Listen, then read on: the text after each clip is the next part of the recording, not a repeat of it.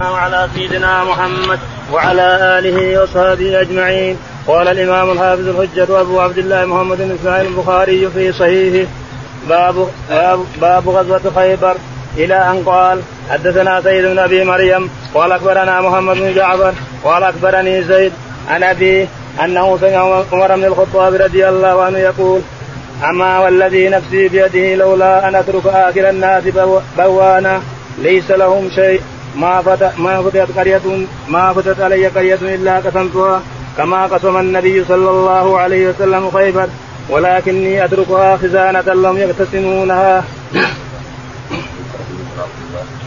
بسم الله الرحمن الرحيم الحمد لله رب العالمين صلى الله على نبينا محمد وعلى اله وصحبه اجمعين.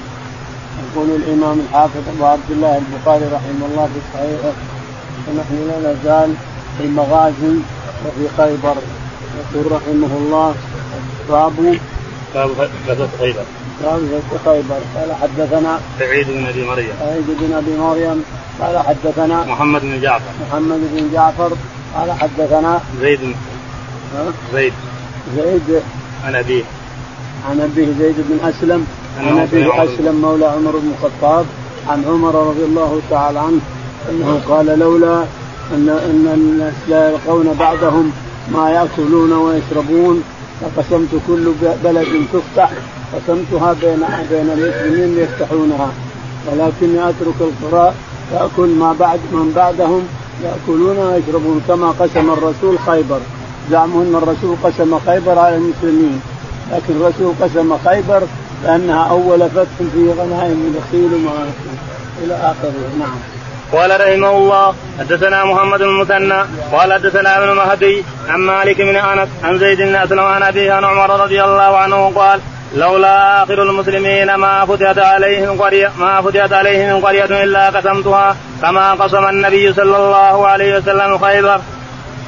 يقول البخاري حدثنا محمد بن المثنى. محمد بن المثنى قال حدثنا ابن مهدي. ابن المهدي قال حدثنا مالك بن أنس. مالك بن أنس قال عن زيد بن أسلم. عن زيد بن أسلم قال عن ابيه عن ابيه أسلم عن عمر. رضي الله تعالى عنه بنحو الكلام الأول أنه لولا أن المسلمين ما يلقون ما يأكلون فيما بعد لقسمت كل بلد وكل قرية تفتح قسمتها بين من فتحها كما قسم الرسول خيبر. ولكني أترك الناس يأكلون القرى التي يفتحونها. نعم. قال رحمه الله حدثنا علي بن عبد الله قال حدثنا سفيان قال سمعت الزهري وسأله إسماعيل وسأله إسماعيل بن أمية قال أخبرني عنبسة بن سعيد أن أبا هريرة رضي الله عنه أتى النبي صلى الله عليه وسلم فسأله قال له بعض بني سعيد العاص لا تعطه يا رسول الله. فقال أبو هريرة هذا قاتل بن قوقل. فقال وعجبا لوبر تدلى من قدوم الدان ويذكر عن الزبيدي عن الزهري قال أخبرني انبسط بن سعيد أنه سمع أبا هريرة يخبر سيد بن العاص قال بعث رسول الله صلى الله عليه وسلم أبان على على سرية من المدينة قبل نجد. قال أبو هريرة فقدم أبان واصحابه على النبي صلى الله عليه وسلم بخيبر بعد ما افتتها وان هزم خيلهم لليف قال أبو هريرة قلت يا رسول الله لا تقسم لهم. قال أبان وأنت بهذا يا عبر تهدر من رأس دان فقال النبي صلى الله عليه وسلم يا أبا اجلس فلم يقسم لهم. قال أبو عبد الله الضال الصدر. يقول البخاري رحمه الله حدثنا علي بن عبد الله. علي بن عبد الله المديني قال حدثنا سفيان. سفيان قال حدثنا الزهري. الزهري وسأله إسماعيل بن أمية. قال وسأله سأله إسماعيل بن أمية سأل الزهري. قال أخبرني عنبسة بن قال سعيد أخبرنا عنبسة بن سعيد أن أبا هريرة أن رضي ابو الله عنه هريره رضي الله عنه أتى النبي عليه النبي عليه الصلاة والسلام في خيبر. وسأله قال بعد بني سعيد العاص. وقال ابن سعيد بن العاص لا تعطيه يا رسول الله. لا تعطي يا رسول الله يعني لا تعطي أبو هريرة. فقال أبو هريرة. نعم. فقال أبو هريرة هذا قاتل قوقل قال أبو هريرة يعني أبو سعيد بن العاص أبان بن صالح. قال يا ابن رسول الله هذا مقاتل بن قوقل فقال يا وعجبا لوبر تدرى تدلى من جبل من جبل في من دول القدوم. في قدوم قال فلم يقسم لهم الرسول عليه الصلاة والسلام. وكانوا قدموا وخيلهم من من ليث أرسلهم الرسول سرية. وأتوا بعد ذلك فلا أدري لماذا لما قسم لهم الرسول لأنهم ما أدوا ما أرسلهم له الرسول يجوز هذا؟ أبان بن صالح هو الأمير. نعم. قال رحمه الله حدثنا موسى بن إسماعيل قال حدثنا عمرو بن يحيى بن سعيد قال أخبرني جدي أن ابان بن سعيد أقبل إلى النبي صلى الله عليه وسلم فقال أبو هريرة فسلم عليه فقال أبو هريرة يا رسول الله هذا قاتل ابن قوقل وقال أبان لأبي هريرة وأعجبا لك وبر فتأتأ من قدوم دأن ينعى علي امرأ أكرمه الله بيده ومنعه ان يهينني بيده. يقول البخاري رحمه الله مكررا ما سبق حدثنا موسى بن إسماعيل. موسى بن إسماعيل قال حدثنا عمرو بن يحيى بن سعيد. عمرو بن يحيى بن سعيد قال حدثنا جدي. جدي سعيد يعني عمرو بن سعيد قال أن أبان بن سعيد أقبل إلى أن أبان بن سعيد أقبل أخبره أقبل إلى النبي صلى الله عليه وسلم. اقبل إلى النبي عليه الصلاة والسلام ورفقته عنده أبو هريرة فقال له أبو هريرة تقسم لهؤلاء فإن هذا قاتل بن قوقل. فقال وعجبا لوبر تدلى من ما من ما من غنم. يعني واستدل من جبل وبر جاء تدلى من جبل فلم يقسم لهم الرسول عليه الصلاة والسلام. نعم. قال رحمه الله حدثنا يحيى بن بكير قال حدثنا الليث عن عقيل بن شهاب عن عروة عن عائشة رضي الله عنها أن فاطمة عليه السلام بنت النبي صلى الله عليه وسلم أرسلت إلى أبي بكر تسأله ميراثها من رسول الله صلى الله عليه وسلم مما أفاء الله عليه بالمدينة وفدت وما بقي وما بقي من خمس خيبر. فقال أبو بكر إن رسول الله صلى الله عليه وسلم قال لا نورث ما تركناه صدقة. إنما يأكل آل محمد في هذا المال. وإني والله لا أغير شيئا من صدقة رسول الله صلى الله عليه وسلم عن حالها التي كان عليها في عهد رسول الله صلى الله عليه وسلم. ولا عملن فيها مما عمل به رسول الله صلى الله عليه وسلم. فأبى أبو بكر أن يدفع إلى فاطمة منها شيئا فوجدت فاطمة على أبي بكر. في ذلك فجرته فلم تكلمه حتى توفيت وعاشت بعد النبي صلى الله عليه وسلم ستة أشهر فلما توفيت دفنها زوجها علي الليلة ولم يزن بها أبا بكر وصلى عليها وكان علي من الناس وجه حياة فاطمة. فلما توفيت استنكر علي وجوه الناس فالتمس مصالحة أبي بكر ومبايعته ولم يكن يبايع تلك الأشهر. فأرسل إلى أبي بكر أن ائتنا ولا يأتنا أحد معك كراهية كراهية لمهدر عمر. فقال عمر لا والله لا تدخل عليهم وحدك. فقال أبو بكر وما أتيتهم أن يفعلوا بي. والله لاتينهم فدخل عليهم أبو بكر فتشهد علي فقال إنا قد رفنا إنا قد رفنا فضلك. وما أعطاك الله ولم ننفس عليك خيرا ساقه الله إليك. ولكنك استبت علينا بالعمل وكنا نرى لقرابتنا من رسول الله صلى الله عليه وسلم نصيبا حتى فاضت حتى فاضتينا أبي بكر. فلما تكلم أبو بكر قال والذي نفسي بيده لقرابة رسول الله صلى الله عليه وسلم أحب إلي أن أصل من قرابتي وأما الذي شجر بيني وبينكم من هذه الأموال فلم آل فيها عن الخير ولم أترك أمرا رأيت رسول الله صلى الله عليه وسلم يصنع فيها إلا صنعته. فقال علي لأبي بكر موعدك العشية للبيعة فلما صلى أبو بكر الظهر رقي المنبر فتشهد وذكر شأن علي وتخلفه عن البيعة وعذره بالتي اعتذر إليه. ثم استغفر وتشهد علي فعزم حق أبي بكر وهدد أنه لم يحمله على الذي صنع نفاسة على أبي بكر ولا إنكارا للذي فضله الله به. ولكنا كنا نرى لنا في هذا نصيبا. فاستبد علينا فوجدنا في أنفسنا فسر بذلك المسلمون. وقالوا اسبت وكان المسلمون إلى علي قريبا. حين راجع الأمر بالمعروف. يقول البخاري رحمه الله. حدثنا يحيى بن بكير. يحيى بن بكير قال حدثنا الليث. الليث بن سعد قال حدثنا عقيل عقيل قال حدثنا ابن شهاب. ابن شهاب قال عن عروة. عن عروة قال عن عائشة. عن عائشة رضي الله تعالى عنها أن فاطمة عليه السلام بنت النبي صلى الله عليه وسلم أرسلت إلى أبي بكر. رضي الله عنها أتت أبي بكر الصديق تسأله ميراثها من رسول الله عليه الصلاة والسلام فقال أبو بكر إن الرسول عليه الصلاة والسلام قال معاشر الأنبياء لا نورث. إن نحن معاشر الأنبياء لا نورث. ما تركنا صدقة. والنبي عليه الصلاة ما تركه فهو صدقة. فغضبت فاطمة رضي الله عنها على أبي بكر ولم ولم تسلم عليه حتى ماتت. وكانت تخلفت بعد الرسول ست شهور ثم لحقته ثم ماتت رضي الله عنها. وكان لعلي وجاهة في حياة فاطمة رضي الله عنها. فلما ماتت فاطمة استنكر علي وجوه الناس معلوم بنت الرسول استنكر علي وجوه الناس وكان لم يبايع أبي بكر الصديق رضي الله تعالى عنه. قال رحمه الله حدثنا محمد بن بشار قال حدثنا هرمي قال حدثنا شعبة قال أخبرني عمر بن كرمة عائشة رضي الله عنها قالت لما فتحت خيبر قلنا الآن نشبه من التمر. يقول البخاري رحمه الله حدثنا محمد بن بشار. محمد بن بشار قال حدثنا هرمي حرمي قال حدثنا شعبة. شعبة قال حدثنا عمارة. عمارة قال عن كلمة عن عكرمة عن عائشة رضي الله عنها. عن عائشة رضي الله تعالى عنها. قالت قالت قال إن الناس يقولون لما فتحت خيبر الآن نشبع تمرا وحصل وهذا هو اللي حصل. لما فتحت خيبر وضربت سهامها للمسلمين وكل عرف سامه شبع الناس من التمر من خيبر نعم. قال رحمه الله حدثنا الحسن قال حدثنا قرة بن حبيب قال حدثنا عبد الرحمن بن عبد الله بن دينار عن أبيه عن ابن عمر رضي الله عنهما قال ما شبعنا حتى فتحنا خيبر.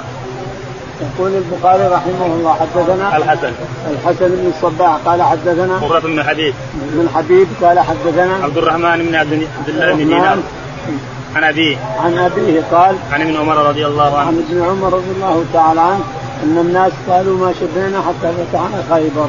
لما فتحنا خيبر شبعنا تمر نعم مع المدينة فيها نخل لكن ما هي مثل خيبر نعم باب استعمال النبي صلى الله عليه وسلم على آل خيبر. قال رحمه الله حدثنا قال حدثنا اسماعيل إسماعيل قال حدثني مالك عن عبد المجيد بن سهيل عن سعيد بن المسيب عن أبي سعيد الخدري وأبي هريرة رضي الله عنهما أن رسول الله صلى الله عليه وسلم استعمل رجلا على خيبر فجاءه بتمر جنيد فقال رسول الله صلى الله عليه وسلم أكل تمر خيبر هكذا؟ فقال لا والله يا رسول الله إنا لنأخذ الساعة من هذا بالساعين والساعين بالثلاثه فقال لا تفعل بالجمع بالدراهم ثم ابتئ بالدراهم جنيبا. وقال عبد العزيز بن محمد بن المجيد عن سعيد أن أبا سعيد وأبا هريرة حدثا أن النبي صلى الله عليه وسلم بعث بعث أخا بني عدي من الأنصار إلى خيبر فأمره عليها. وعن عبد المجيد عن أبي صالح السمان عن أبي هريرة وابي سعيد مثله. يقول البخاري رحمه الله حدثنا باب استعمال النبي صلى الله عليه وسلم على خيبر. باب استعمال النبي عليه الصلاة والسلام على, على أهل خيبر. على أهل خيبر. رجلا على أهل خيبر لما قسم النبي عليه الصلاة والسلام بينهم وبين أهل خيبر وجعلهم عمال هم يشتغلون لكم النصف ولنا النصف. النصف يرسل كل إنسان يروح يأخذ حقه من خيبر لأن لنا النصف ولهم النصف. لنا الشطر التمر والحبوب ولهم شطر الحبوب هم يعملون ونحن حقنا ملكنا. يقول فأرسل الرسول عليه الصلاة والسلام النابغه يأتي يأتيه بتمر. فجاء النابغه بتمر بتمر جنيب ممتاز يعني جنيب ممتاز من أحسن تمر المدينة. فقال الرسول أتمر خيبر كلها كل تمر خيبر مثل هذا؟ قال لا يا رسول الله هذا تمر ممتاز نشتريه بصاعين وثلاثة من الجمع من الجمع. قال لا بع تمر الجمع بدراهم واشتر هذا لأنه ربا. يشتري صاع بصاعين ربا. مكيل بمكيل ربا. لكن باع الجمعة الردي بيعه بدراهم واشترى الجميل بدراهم. فكان يفعل كذلك. نعم. قال قال حدثنا إسماعيل. حدثنا إسماعيل. قال حدثني مالك. قال حدثنا أنس بن مالك. قال عن عبد المجيد. عن عبد المجيد. عن سعيد بن المسيب. عن سعيد بن المسيب قال عن أبي سعيد الخدري وأبي هريرة رضي الله عنه. عن أبي سعيد الخدري وأبي هريرة سعيد الخدري و وأبي هريرة رضي الله عنه. وابي هريرة رضي الله عنهما قال أن النبي صلى الله عليه وسلم استعمل رجلا على أهل خيبر. أن النبي عليه الصلاة والسلام استعمل رجلا على خيبر فأتاه بتمر ممتاز جنيب ممتاز. من تمر المدينة من تمر خيبر ممتاز. فقال الرسول هكذا. خيبر كله بهذا الشكل. قال لا يا رسول الله هذا تمر ممتاز. نشتريه بصاع وصاعين من جمع قال لا تفعل فإن هذا عين الربا. مكيل بمكيل ما يمكن. لكن بيع الجمع بدراهم واشتري الجنيب بدراهم. تسلم من الربا. نعم. باب معاملة النبي صلى الله عليه وسلم على خيبر. قال حدثنا موسى بن إسماعيل قال حدثنا جويرية أن عن عبد الله رضي الله عنه قال أعطى النبي صلى الله عليه وسلم خيبر اليهود أن يعملوها ويزرعوها ولهم شطر ما يخرج منها. يقول البخاري رحمه الله حدثنا موسى بن إسماعيل. موسى بن إسماعيل التبوذكي قال حدثنا جويرية. جويرية قال النافع عن نافع عن عبد الله رضي الله عنه. عن عبد الله بن عمر رضي الله عنه أن النبي عليه الصلاة والسلام ساق على خيبر على ما يخرج منها النصف يعني أنتم تشتغلون وتأخذون النصف الشطر من الحبوب والثمار. ونحن أهل الملك نأخذ الشطر من الحبوب والثمار. يعني ساق على هذه أصل المساقات.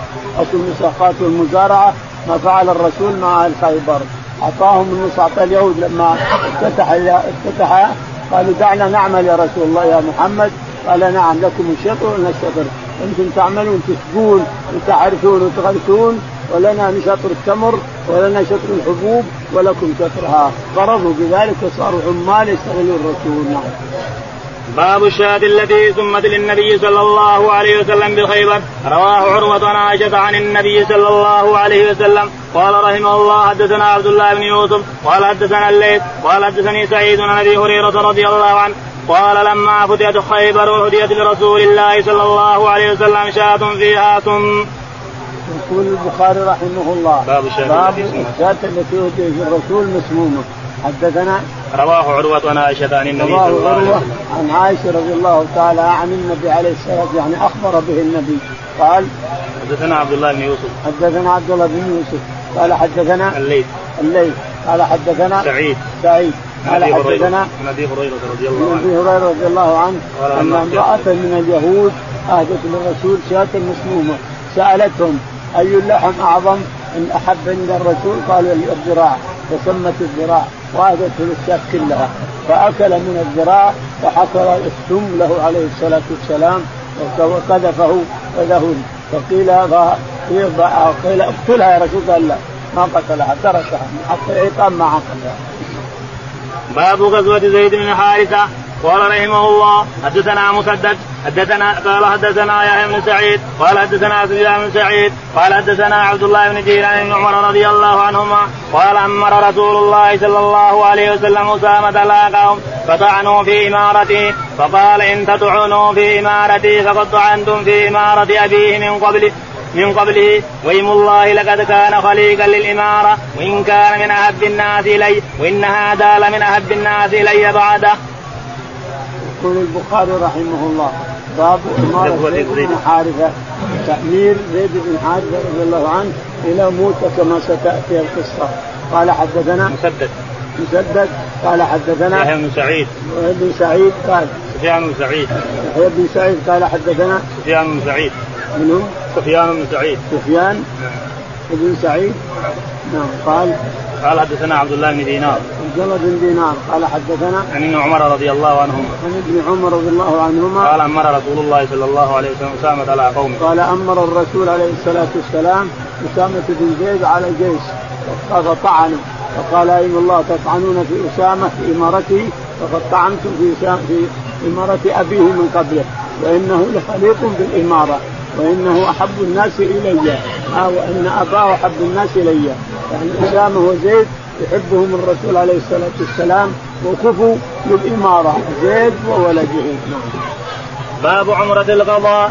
ذكره انس عن النبي صلى الله عليه وسلم. قال رحمه الله حدثنا عبيد الله بن موسى عن إسرائيل عن أبي إسحاق عن البراء رضي الله عنه قال لما أعتمر النبي لما أعتمر النبي صلى الله عليه وسلم في ذي القعدة فأبى أهل مكة أن يدعوا يدعوا ويدخل مكة حتى قاضاهم على ان يقيم بها ثلاثة أيام. فلما كتبوا الكتاب كتبوا هذا ما قاضى عليه محمد رسول الله. قالوا لا نقر بهذا لو نعلم أنك رسول الله ما منعناك شيئا. ولكن أنت محمد بن عبد الله. فقال أنا رسول الله وأنا محمد بن عبد الله. ثم قال لعلي أم رسول الله. قال علي لا والله لا أمحوك أبدا. فأخذ رسول الله صلى الله عليه وسلم الكتاب وليس يحسن يكتب. فكتب هذا ما قاضى محمد بن عبد الله. لا يدخل مكة السلاح إلا السيف في الفراق وألا يخرج من أهلها بأحد إن أراد أن يتبعه ولا يمنع من أصحابه أحدا إن أراد أن يقيم بها. فلما دخلها ومدى الأجل أتوا عليا فقالوا قل لصاحبك اخرج عنا فقد مدى الأجل. فخرج النبي صلى الله عليه وسلم فتبعته ابنة حمزة تنادي يا عم يا عم. فتناولها علي فأخذ بيدها وقال لفاطمة عليه السلام دونك ابنة عمك. حملتها فاقتسم فيها علي وزيد وجعفر. قال علي أنا أخذتها. وهي بنت عمي وقال جعفر هي ابنة عمي وخالتها تحتي وقال زيد ابنة أخي فقضى بها النبي صلى الله عليه وسلم خالتها وقال الخالة بمنزلة الأم وقال علي أنت مني وأنا منك وقال لجعفر أشبهت خلقي وخلقي وقال زيد أنت أخونا ومولانا وقال علي لا تتزوج, لا تتزوج بنت حمزة قال إنها ابنة أخي من الرضاعة. يقول البخاري رحمه الله حدثنا باب عمرة القضاء. باب عمرة القضاء حدثنا ذكره أنس عن النبي صلى الله عليه وسلم. ذكره أنس. أنس عن النبي عليه الصلاة والسلام.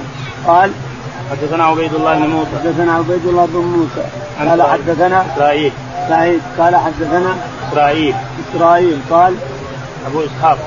ابن إسحاق السبيعي قال عن البراء بن عازب رضي الله عنه البراء بن عازب رضي الله عنه قال لما اعتمر النبي صلى الله عليه وسلم في ذي القعدة فأبى أهل مكة أن يدعوه يدخل مكة حتى قاضاهم على يقيم بها ثلاثة أيام. يقول إن الرسول عليه الصلاة والسلام لما أتى يريد مكة لما العمرة التنعيم الحديبية رفض المشركون يدخل مكة بالقوة ولكن ارجع هذه السنة وتقاضى مع سهيل بن عمرو أنه يرجع هذه السنة سنة ست من الهجرة ويأتيهم سنة سبع من الهجرة في 16 القادة بالشهر اللي جاء فيه يأتيهم في الشهر فيه وبالوقت الذي جاء فيه. ثلاث أيام ثم يخرج آمن يطوف ويسعى آمنا ثم يخرج. فتقاضى الرسول عليه الصلاة والسلام هو سهيل بن عمرو ثم كتبوا الكتاب هذا ما قضى عليه محمد رسول الله. قال لا نعلم أنك رسول الله ما كتبناك. اكتب محمد بن عبد الله بن عبد المطلب. وقال لعلي الرسول قال لعلي امحو امحو امحو. قال والله ما أمحوك يا رسول الله. والله ما أمحو اسمك. فقال أرني. وكان لا يقرأ ولا يكتب عليه الصلاة والسلام. ليش؟ لأن القرآن سينزل وهو أمي لا يقرأ ولا يكتب ولا يختلف بالقرآن شيء. ما يختلف بكلام رب العالمين اللي نزل عليه شيء. فصار اميا لا يقرأ ولا يكتب إلا القرآن. نزل عليه والاحاديث اللي تاتيه من الله تعالى وتقدس فقال أرني فأراه إياه فمسح رسول الله وكتب محمد. هذا ما قال محمد بن عبد الله بن عبد المطلب سهيل بن عمرو على أن يرجع هذه السنة ويأتي سنة سبع في ذي القعدة يطوف ثلاثة أيام يطوف ويسعى آمنا هو وأصحابه فحصل ما حصل نعم.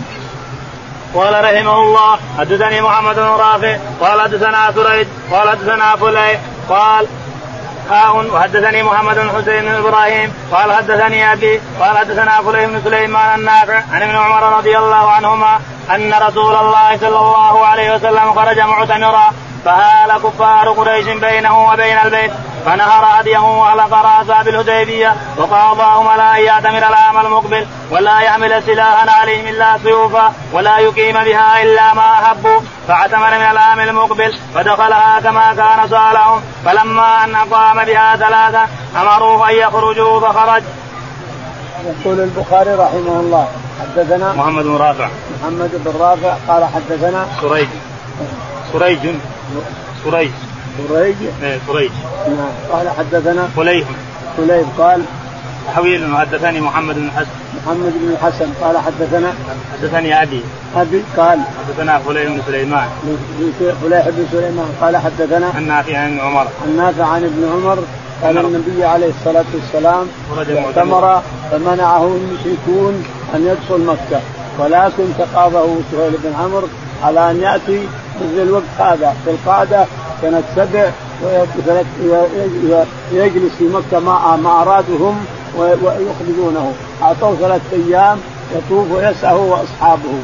لما أتى سنة السبع سيأتي قصتها نعم قال رحمه الله حدثنا عثمان بن أبي شيبة قال حدثنا جرير عن منصور عن مجاهد قال دخلت أنا وعروة بن الزبير المسجد اذا اذا عبد الله بن عمر رضي الله عنهما جالس إلى حجرة عائشة ثم قال كم اعتمر النبي صلى الله عليه وسلم قال أربعا إيداهن في رجب ثم سمعنا سنان عائشة قال عروة يا أم المؤمنين ألا تسمعين ما يقول أبو عبد الرحمن؟ إن النبي صلى الله عليه وسلم اعتمر أربع عمر إيداهن في رجب فقالت ما اعتمر النبي صلى الله عليه وسلم عمرة إلا وهو شاهد وما اعتمر في رجب قط.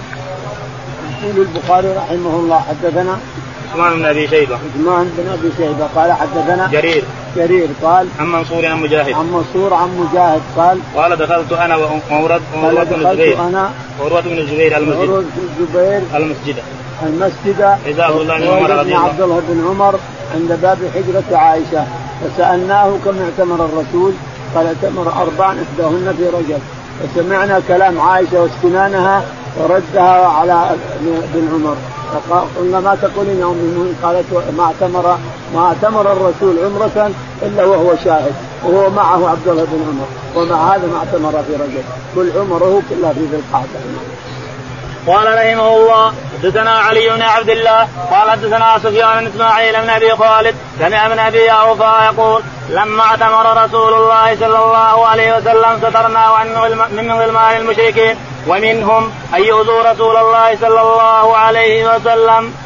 يقول البخاري رحمه الله حدثنا علي بن عبد الله. علي بن عبد الله قال حدثنا سفيان. سفيان قال حدثنا إسماعيل بن أبي خالد. إسماعيل بن أبي خالد قال أنه سمع ابن أبي أوفى يقول. أنه سمع ابن أبي أوفى يقول, يقول لما اعتمرنا كنا نستر الرسول عليه الصلاة والسلام وهو يطوف بالبيت عن المشركين المشركين متجمعين هنا. وقال الرسول عليه الصلاة والسلام لأصحابه رحم الله امرأ أراهم قوة اليوم. لأن قريش قالوا يأتيكم ناس نهكتهم حمى يثرب. هزال ونهكتهم الحمى ولا يقدرون يمشون. فرحم الله امرأ أراهم قوة من نفسه. فصاروا يجرون جري يقفزون قفوز الأسود حتى قال قريش هذولا اللي حما يثرب هذولا فلتوا علينا أكلونا اتوا بهم. يقفزون قفز رضي الله عنهم فإذا اختفوا وراء الركن اليماني مشوا إلى الركن إلى الحجر الأسود مشوا. طعن عليهم عليه الصلاة والسلام. ثم جلس ثلاثة أيام ولما انتهى الثالث قالوا لعلي قل لصاحبك يخرج. قال أريد أن اعرس بميمونة واجعل لكم حل قالوا لا بس وخرج وبنى بميمونه كما سيأتي نعم. قال رحمه الله حدثنا سليمان بن حرب قال حدثنا حماد هو بن زيد عن أيوب بن سعيد بن جبير بن عباس رضي الله عنهما قال قدم رسول الله صلى الله عليه وسلم وأصحابه فقال المشركون إنه يقدم عليكم وفد وانتهم هم ما يثرب فأمرهم النبي صلى الله عليه وسلم أن يرملوا الاشواط الثلاثة وأن يمشوا ما بين الركنين ولم يمنعه أن يأمرهم أن يرملوا الأشواط كلها إلا لبقاه عليهم زاده ابن سلمة عن أيوب عن سعيد بن جبير بن عباس قال لما قدم النبي صلى الله عليه وسلم لعامه الذي استعمل قال ارملوا ارملوا ليري المشركين قوتهم والمشركون من قبل كيعان. يقول البخاري رحمه الله حدثنا سليمان بن حرب. سليمان بن حرب قال حدثنا حماد هو بن زيد. حماد بن زيد قال حدثنا أيوب. أيوب قال حدثنا سعيد بن جبير عن ابن عباس. بن جبير عن ابن عباس رضي الله عنهما قال إن النبي عليه الصلاة والسلام بلغه أن المشركين قالوا يأتي عليكم ناس واناتهم حمى يثرب. يعني هزال ولا يقدرون يمشون وصفران الوجوه. قال الرسول رحم الله امرأ أراهم قوة من نفسه. فصاروا يرملون. يرملون رمي الأسود. يرملون بين هذه الجميع عند قريش هنا. يرملون رمي الأسود. فقال قريش أليس يقولون إنه معاناتهم مثل الأسود. الشاهد إنه يرمل عليه الصلاة والسلام من الحي إلى حجر الركن اليماني وبينهما يمشي مشي. رمل الثلاثة والبقية أبقاها رمل الثلاثة الأول وهو سنة إلى يوم القيامة صار الرمل ثلاثة أشواط رمل إلى سنة إلى يوم القيامة نعم. قال رحمه الله حدثني محمد عن سفيان بن عيينة عن أبي عن عباد رضي الله عنهما قال إنما سعى النبي صلى الله عليه وسلم بالبيت بين الصفا والمروة ليري المشركين قوته. يقول البخاري حدثنا محمد محمد قال حدثنا سفيان بن عيينة. سفيان بن عيينة قال عن عمرو بن طاع سفيان بن عيينة عن عن عمرو بن طاع عن عمرو عن عطاء قال عن ابن عباس رضي الله عنه. عن ابن عباس رضي الله عنهما قال إنما سعى النبي صلى الله عليه وسلم. إنما سعى النبي عليه الصلاة والسلام يعني يرمل بين الصفا والمروة وبين بين في البيت وبين الصفا والمروة ليري المشركين قوتهم. لا السعي بين الصفا والمروة من سنون من قبل إنما في البيت نعم. حرمها في البيت ثلاث أشواط. نعم يريهم القوه وأما المسعى فهو مسنون من أم من أم إسماعيل من هاجر. نعم. قال رحمه الله حدثنا موسى بن إسماعيل قال حدثنا وهيب قال حدثنا أيوب بن كريمان بن عباس رضي الله عنهما قال تزوج النبي صلى الله عليه وسلم ميمونة وهو محرم وبنى بها وهو حلال وماتت بصرف قال أبو عبد الله وزاد ابن إسحاق حدثني ابن أبي نجيه وأبان بن صالح عطاء ومجاهد عن ابن عباس رضي الله عنهما قال تزوج النبي صلى الله عليه وسلم ميمونة في عمرة القضاء. يقول البخاري رحمه الله حدثنا موسى بن إسماعيل. إسماعيل قال حدثنا وهيب. وهيب قال حدثنا أيوب. أيوب قال حدثنا اكرم عن ابن عباس. اكرم عن ابن عباس أن النبي عليه الصلاة والسلام تعاقد على ميمونة وهو محرم وبنى بها وهو حلال. هذا غلط. الرسول عليه الصلاة والسلام المحرم حرام عليه يعقد على المرأة. المحرم ممنوع أن يعقد على المرأة وهو محرم. فالرسول عليه الصلاة والسلام لم يعقد على ميمونة ولا ضربها خطبها من عمه العباس ولبابه بنت الحارث الهلاليه أختها. خطبها منه خطبة. ولما حل عقد عليها وهو حلال وبنى بها في سرف، سرف الجبل يسمى ميمونة الآن. يومئذ وهو قتيل. فعددت به خمسين بين طعنة وضربة ليس منها شيء في دبره يعني في ظهره ولأكبرنا أحمد بن أبي بكر قال حدثنا مغيرة بن عبد الرحمن عن عبد الله بن سعيد عن نافع عن عبد الله بن عمر رضي الله عنهما قال أمر رسول الله صلى الله عليه وسلم في غزوة موت زيد زيد بن حارثة فقال رسول الله صلى الله عليه وسلم إن قتل زيد فجعفر وإن قتل جعفر فعبد الله بن رواحة. قال عبد الله كنت فيهم في تلك الغزوة فالتمسنا جعفر بن أبي طالب فوجدناه في القتلى ووجدنا ما في ما في جسده بدعوة تسعين من طعنة ولم يأ يقول البخاري رحمه الله حدثنا باب غزو موتة من أرض الشام. غزو موتة من أرض الشام. ما هي بالشام؟ موتة بيننا وبين الأردن. الآن موجودة. صحراء كبيرة فر كبير يسمى البلقة موجودة الآن اللي يروح للأردن يضرب على البلقة. البلقة فيها بيت تسمى موته هي اللي حصل على القتال.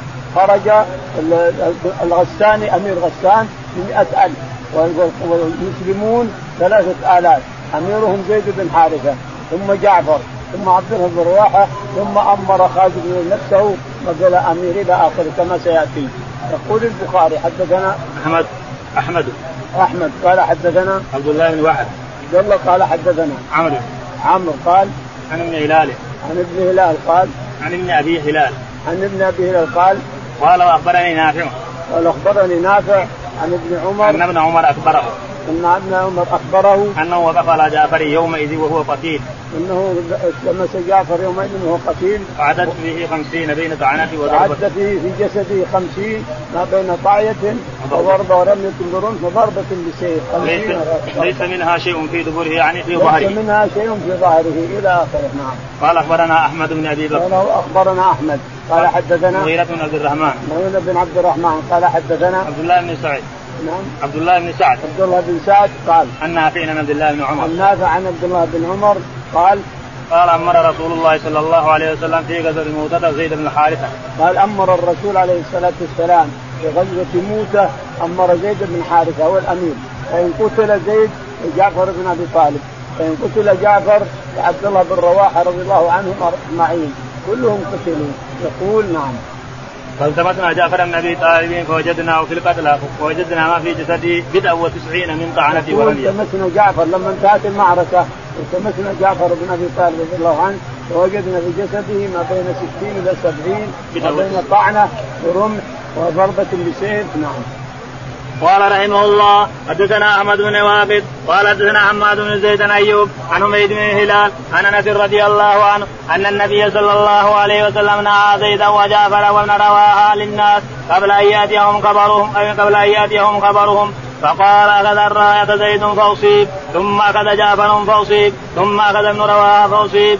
وعيناه تذرفان ثم حتى حتى أخذ السيف حتى أخذ الراية سيف من سيوف الله حتى فتح الله عليهم. يقول البخاري رحمه الله حدثنا احمد بن واقد. احمد بن واقد قال حدثنا حماد بن زيد. حماد بن زيد قال عن أيوب. عن أيوب عن حميد عن حميد عن أنس. عن حميد عن أنس بن مالك رضي الله تعالى عنه. أن النبي صلى الله عليه وسلم نعى زيد وجعفر رواحه النبي عليه الصلاة والسلام مع زيد وجعفر وعبد الله بن رواحة على المنبر وعيناه تذرفان أصيب زيد بن حارثة ثم أصيب جعفر بن أبي طالب ثم أخذ الراية عبد الله بن رواحة فأصيب ثم أخذ الراية سيف من سيوف الله ليس بإمرة أحد ولكنه قتل قاتل بها ثم ورجع بالناس. الذي حصل أن خالد رضي الله تعالى عنه لما وقعت الراية في الأرض أخذها وقاتل وكسر بيده ثمانية اسياف ذلك اليوم. ثم بعد ذلك لما جاء الليل وانحجز الليل بين هؤلاء وهؤلاء قلب قلب الجيش. جعل الميمنة ميسرة والميسرة ميمنة والمقدم مؤخر والمؤخر مقدم والقلب ثم وقفا. لما أصبح الصباح والجيش متغير قال إحنا عجزنا عنهم ثلاث فكيف الآن تغير الجيش جاءهم زيادة؟ فهرب الجيش هناك ورجع بالناس خالد بن الوليد سماهم الناس الفرارون. قال الرسول هم الفرارون نعم قال رحمه الله حدثنا قتيبة قال حدثنا عبد الوهاب قال سمعت ابن سعيد قال أخبرتني عمرة قال قالت سمعت عائشة رضي الله عنها تقول لما جاء قتل ابن قتل ابن حارثة وجعفر بن أبي طالب وعبد الله بن رواحة رضي الله عنهم جلس رسول الله صلى الله عليه وسلم يغرف فيه الحزن. قالت عائشة وأنا اتهي من صائر الباب تعني من شك الباب. فأتاه رجل فقال أي رسول الله إن نساء جعفر قال وذكر بكاهن فأمره أن ينهاهن. قال فذهب الرجل ثم أتى فقال قد نهيتهن وذكر أنه لم يطعنه قال فأمر أيضا فذهب ثم أتى فقال والله لقد غلبننا. فزعمت أن رسول الله صلى الله عليه وسلم قال فهذوا في أفواههن من التراب. قالت عائشه فقلت أرغم الله أنفك. فوالله ما أنت تفعل وما تركت رسول الله صلى الله عليه وسلم من الأناء. يقول البخاري رحمه الله حدثنا قتيبة. قتيبة قال حدثنا عبد الوهاب. عبد الوهاب قال حدثنا يحيى بن سعيد. يحيى بن سعيد قال أخبرتني عمرو. أخبرتنا عمرو. عن قالت سمعت عائشة رضي الله عنها. عائشة رضي الله عنها. تقول لما عائشة تقول لما جاء قتل بن حارثة لما جاء معي جعفر بن أبي طالب رضي الله عنه ترى نساءه يبكين ويصرخن نساءه. يقول فجاء رجل والرسول على المنبر يخطب. قال يا رسول الله إن نساء جعفر يصرخن الصياح شديد قال انهن اذهب بينهن فذهب ورجع قال ما قدمنا. قال اذهب فسكتن تقول عائشة ثلاث مرات يأتي الرسول عليه الصلاة والسلام ويقول انهم الثالثة قال اذهب فاحتف وجوهن التراب. تقول عائشة قبحك الله لهذا الرجل. لا خليت الرسول مطمئن ولا تركت الناس. أشغلت نفسك ولست قاتلا تفعل ما قال الرسول. قبحك الله. اللقافة ما هي طيبة. اللقافة ما هي طيبة. هذا حرص ولقافه واللقافه أحيانا تكون شؤم على الإنسان. نعم قال رحمه الله حدثني محمد بن أبي بكر قال حدثنا عمر بن علي عن إسماعيل بن أبي خالد عن عامر قال كان من عمر إذا هي ابن جعفر قال السلام عليك يا ابن ذي الجناحين. يقول البخاري رحمه الله حدثنا محمد بن أبي بكر. محمد بن أبي بكر قال حدثنا عمر بن علي. عمر بن علي قال حدثنا إسماعيل بن أبي خالد. إسماعيل بن أبي خالد قال عن عامر. عن عامر قال قال كان ابن عمر إذا هي ابن جعفر. عامر الشعبي هنا. يقول ابن عمر رضي الله عنه إلى حي عبد الله بن جعفر قال السلام عليك يا ابن ذي الجناحين لأن الرسول عليه الصلاة والسلام قال ان, الله عوض جعفر بيديه اللي قطعت قطعت يده هذه ثم اليد اليمنى يأخذ الراية بهذه فقطعت ثم أخذ الراية بهذه فقطعت ثم أخذها بصدره فقتل وطعن صدره. قال النبي عليه الصلاة والسلام إن جعفر عوضه الله بجناحين يطير بهما في الجنة.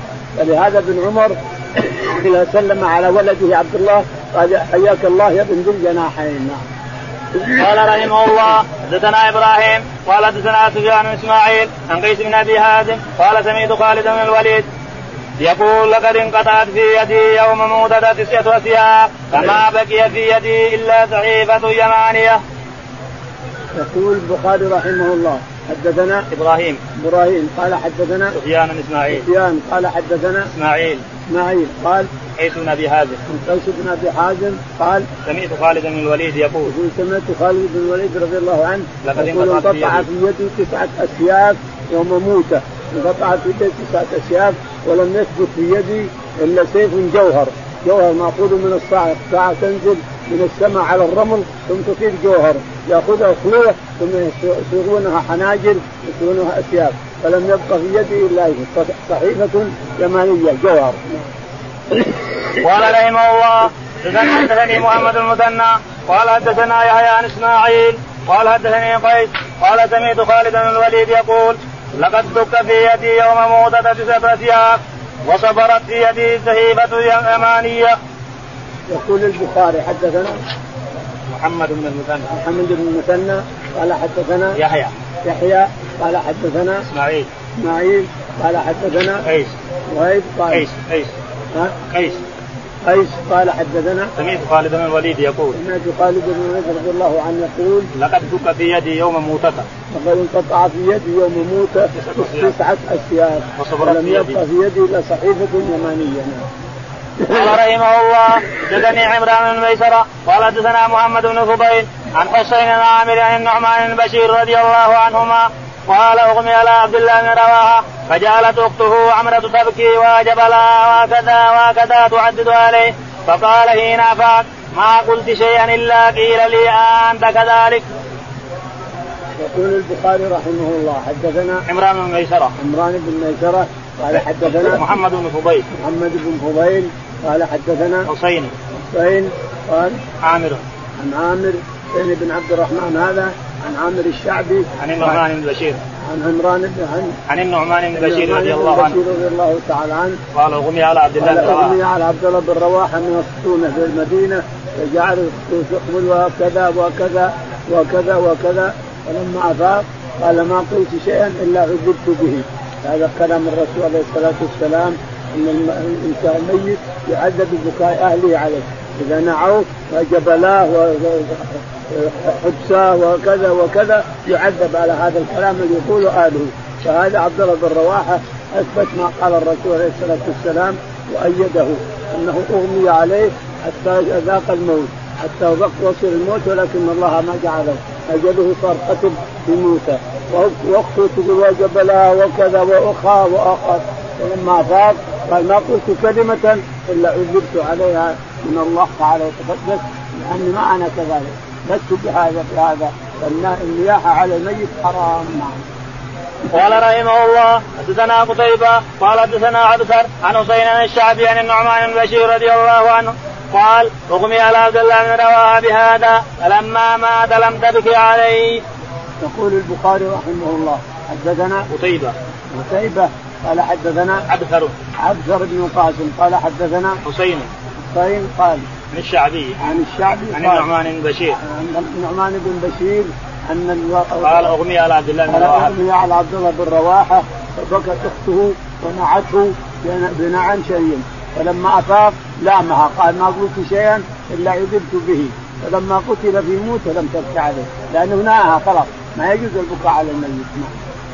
باب باب بعث النبي صلى الله عليه وسلم أسامة بن زيد إلى الخرقات من جهينة. قال رحمه الله حدثني عمرو بن محمد قال حدثنا حسين قال أخبرنا حسين قال أخبرنا أبو ذبيان قال سمعت أسامة بن زيد رضي الله عنهما يقول بعثنا رسول الله صلى الله عليه وسلم إلى الخرقاء فصبحنا القوم فهزمناهم ولحقت أنا ورجل من الأنصار رجلا منهم فلما غشيناه قال لا إله إلا الله فكف الانصاري فطعنته برمحه حتى قتلته فلما قدمنا بلغ النبي صلى الله عليه وسلم فقال يا أسامة قتلته بعدما قال لا إله إلا الله قلت كان متعوذا فما زال يكررها حتى تمنيت أني لم أكن أسلمت قبل ذلك اليوم. يقول البخاري رحمه الله باب بعث النبي صلى الله عليه وسلم اسامه بن زيد. النبي اسامه بن زيد إلى الفروقات. إلى الفروقات من جهينة. يقول إننا غزونا الفروقات من جهينة ثم صبحناهم. يقول فأخذناهم وسبيناهم. يقول وكان رجل ما بين بيني وبين واحد من الصحابة.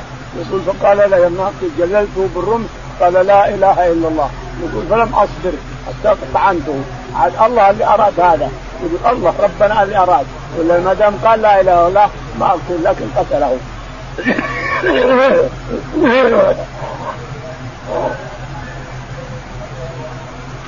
فبلغ الرسول عليه الصلاة والسلام أو قاله له قتلته بعدما قال لا إله إلا الله ماذا تعمل بلا إله إلا الله؟ كيف تعمل بلا إله إلا الله؟ فما زال يؤنبني ويلومني حتى تمنيت أني ما أسلمت إلا تلك الساعة. من لوم الرسول ماذا تعمل بلا إله إلا الله؟ كيف تعمل بلا؟ كم تصنع بلا إله إلا الله؟ أشققت قلبه؟ يقول إنه تعوذ من السيف أشققت قلبه؟ شقيت كذا حتى تدري ما هو؟ وإن كانوا أسلم صدقا. أسلم صدقا ما ماذا تعمل؟ معنى هذا أن المسلم لا يقتل احدا. إذا قال لا إله مسلم. تقتل مسلم ما يجوز. أو مشرك يقول لا إله إلا الله لا تقتله. لأنه دخل الإسلام خلاص. نعم. حدثني عمرو بن محمد. يقول حدثني عمرو بن محمد. قال حدثنا حسين. حسين. قال حدثنا حسين. حسين. قال حدثنا أبو ذبيان عن عن عن أبو ذبيان أبي ظبيان قال سمعت أسامة بن زيد رضي الله عنه. سمعت أسامة بن زيد رضي الله عنه يقول بعثنا الرسول عليه الصلاة والسلام إلى الحرقاء. الحروقات من جهينة. يقول فصبحناهم وقتلنا منهم من مقتله وإن رجلا استعاذ بالسيف مني بلا إله إلا الله. لكني قتلته بعدما قال لا قتلته. فلامن الرسول لوما شديدا حتى تمنيت اني ما أسلمت إلا تلك الساعة. قال رحمه الله حدثنا قتيبة بن سعيد قال حدثنا حاتم بن يزيد بن أبي عبيد قال سمعت سلامة بن الاكوى يقول غزوت مع النبي صلى الله عليه وسلم سبع غزوات وخرجت فيما ابات من البؤوس تسع غزوات. مرة علينا أبو بكر ومرة ومرة علينا أسامة وقال عمر بن حفص بن غياث حدثنا أبي ان يزيد بن أبي عبيد قال سمعت سلمة يقول غزوت مع النبي صلى الله عليه وسلم سبع غزوات وخرجت فيما يبت من البعث تسع غزوات مرة علينا أبو بكر ومرة أسامة. يقول البخاري رحمه الله حدثنا قتيبة بن سعيد. قتيبة قال حدثنا حاتم حاتم قال حدثنا يزيد بن أبي عبيد. يزيد بن أبي عبيد عن سيده سلمة بن الأكوع قال غزوت مع النبي صلى الله عليه وسلم سبع غزوات. عليه الصلاة والسلام سبع غزوات. سبع غزوات. سبع. سبع غزوات. نعم. ها؟ سبع غزوات. غزوت مع النبي عليه الصلاة والسلام سبع غزوات. وخرجت فيما يبأس من البعوث تسع غزوات. خرجت في البعوث يعني السرايا تسع اللي ليس فيها الرسول تسع. فيها أبو بكر وفيها أسامة بن زيد. مرة أبو بكر الأمير ومرة أسامة بن زيد الأمير. نعم. قال رحمه الله حدثنا أبو عاصم الضحاك بن مخلد قال حدثنا يزيد بن أبي عبيد عن سلمة بن الأكبر رضي الله عنه قال غزوت مع النبي صلى الله عليه وسلم تسع غزوات وغزوت مع ابن حارثة استعماله علينا. يقول البخاري حدثنا أبو عاصم أبو عاصم النبيل ضحاك بن مخلد قال حدثنا يزيد بن أبي عبيد. يزيد بن أبي عبيد قال حدثنا سلمة بن الاكوع قال قال غزوت مع النبي صلى الله عليه وسلم تسع غزوات. قال غزوت مع النبي عليه الصلاة والسلام كم؟ تسع غزوات. تسع غزوات. و... وغزوت مع ابن حارثة استعماله علينا.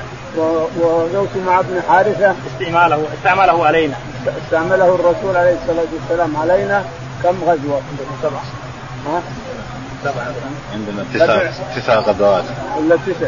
عندنا تسع. عندنا تسع غزوات ما يهم مع مع الرسول غزا مع الرسول سبع وغزا مع غيره تسع ما بهم قال رحمه الله حدثنا محمد بن عبد الله قال حدثنا عماد بن مسعدة عن يزيد بن أبي عبيد سلمة بن الاكوع قال غزوت مع النبي صلى الله عليه وسلم سبع غزوات فذكر خيبر والهديبية ويوم هنين ويوم القرد. قال يزيد ونسيت بقيتهم. يقول البخاري رحمه الله حدثنا محمد بن عبد الله. محمد بن عبد الله قال حدثنا حماد بن مسعدة. حماد بن مسعدة قال عن يزيد بن أبي عبيد. عن يزيد بن أبي عبيد عن سلمة بن الاكوع يقول غزوت مع الرسول عليه الصلاة والسلام. سبع غزوات. سبع غزوات منها خيبر ومنها قرد ومنها كذا إلى آخره. نعم. باب غزوة الفتح وما بعث به هاد بن أبي بلتعة إلى أهل مكة يخبرهم بغزو النبي صلى الله عليه وسلم. قال قال رحمه الله حدثنا قتيبة بن سعيد قال حدثنا سفيان بن دينار قال أخبرني الحسن بن محمد أنه سمع عبيد الله بن أبي رافع يقول سمعت علي رضي الله عنه يقول بعثني رسول الله صلى الله عليه وسلم والزبير والمقداد. فقال انطلقوا حتى تأتوا روضة خان فان بها دينه معها كتاب فخذوا منها. قال فانطلقنا تعادى بنا خيلنا حتى أتينا الروضه إذا نحن بالزينه قلنا لا أخرج الكتاب. قالت ما معي كتاب؟ فقلنا لتخرجن لتخرجن الكتاب. أو لنلقين في الثياب.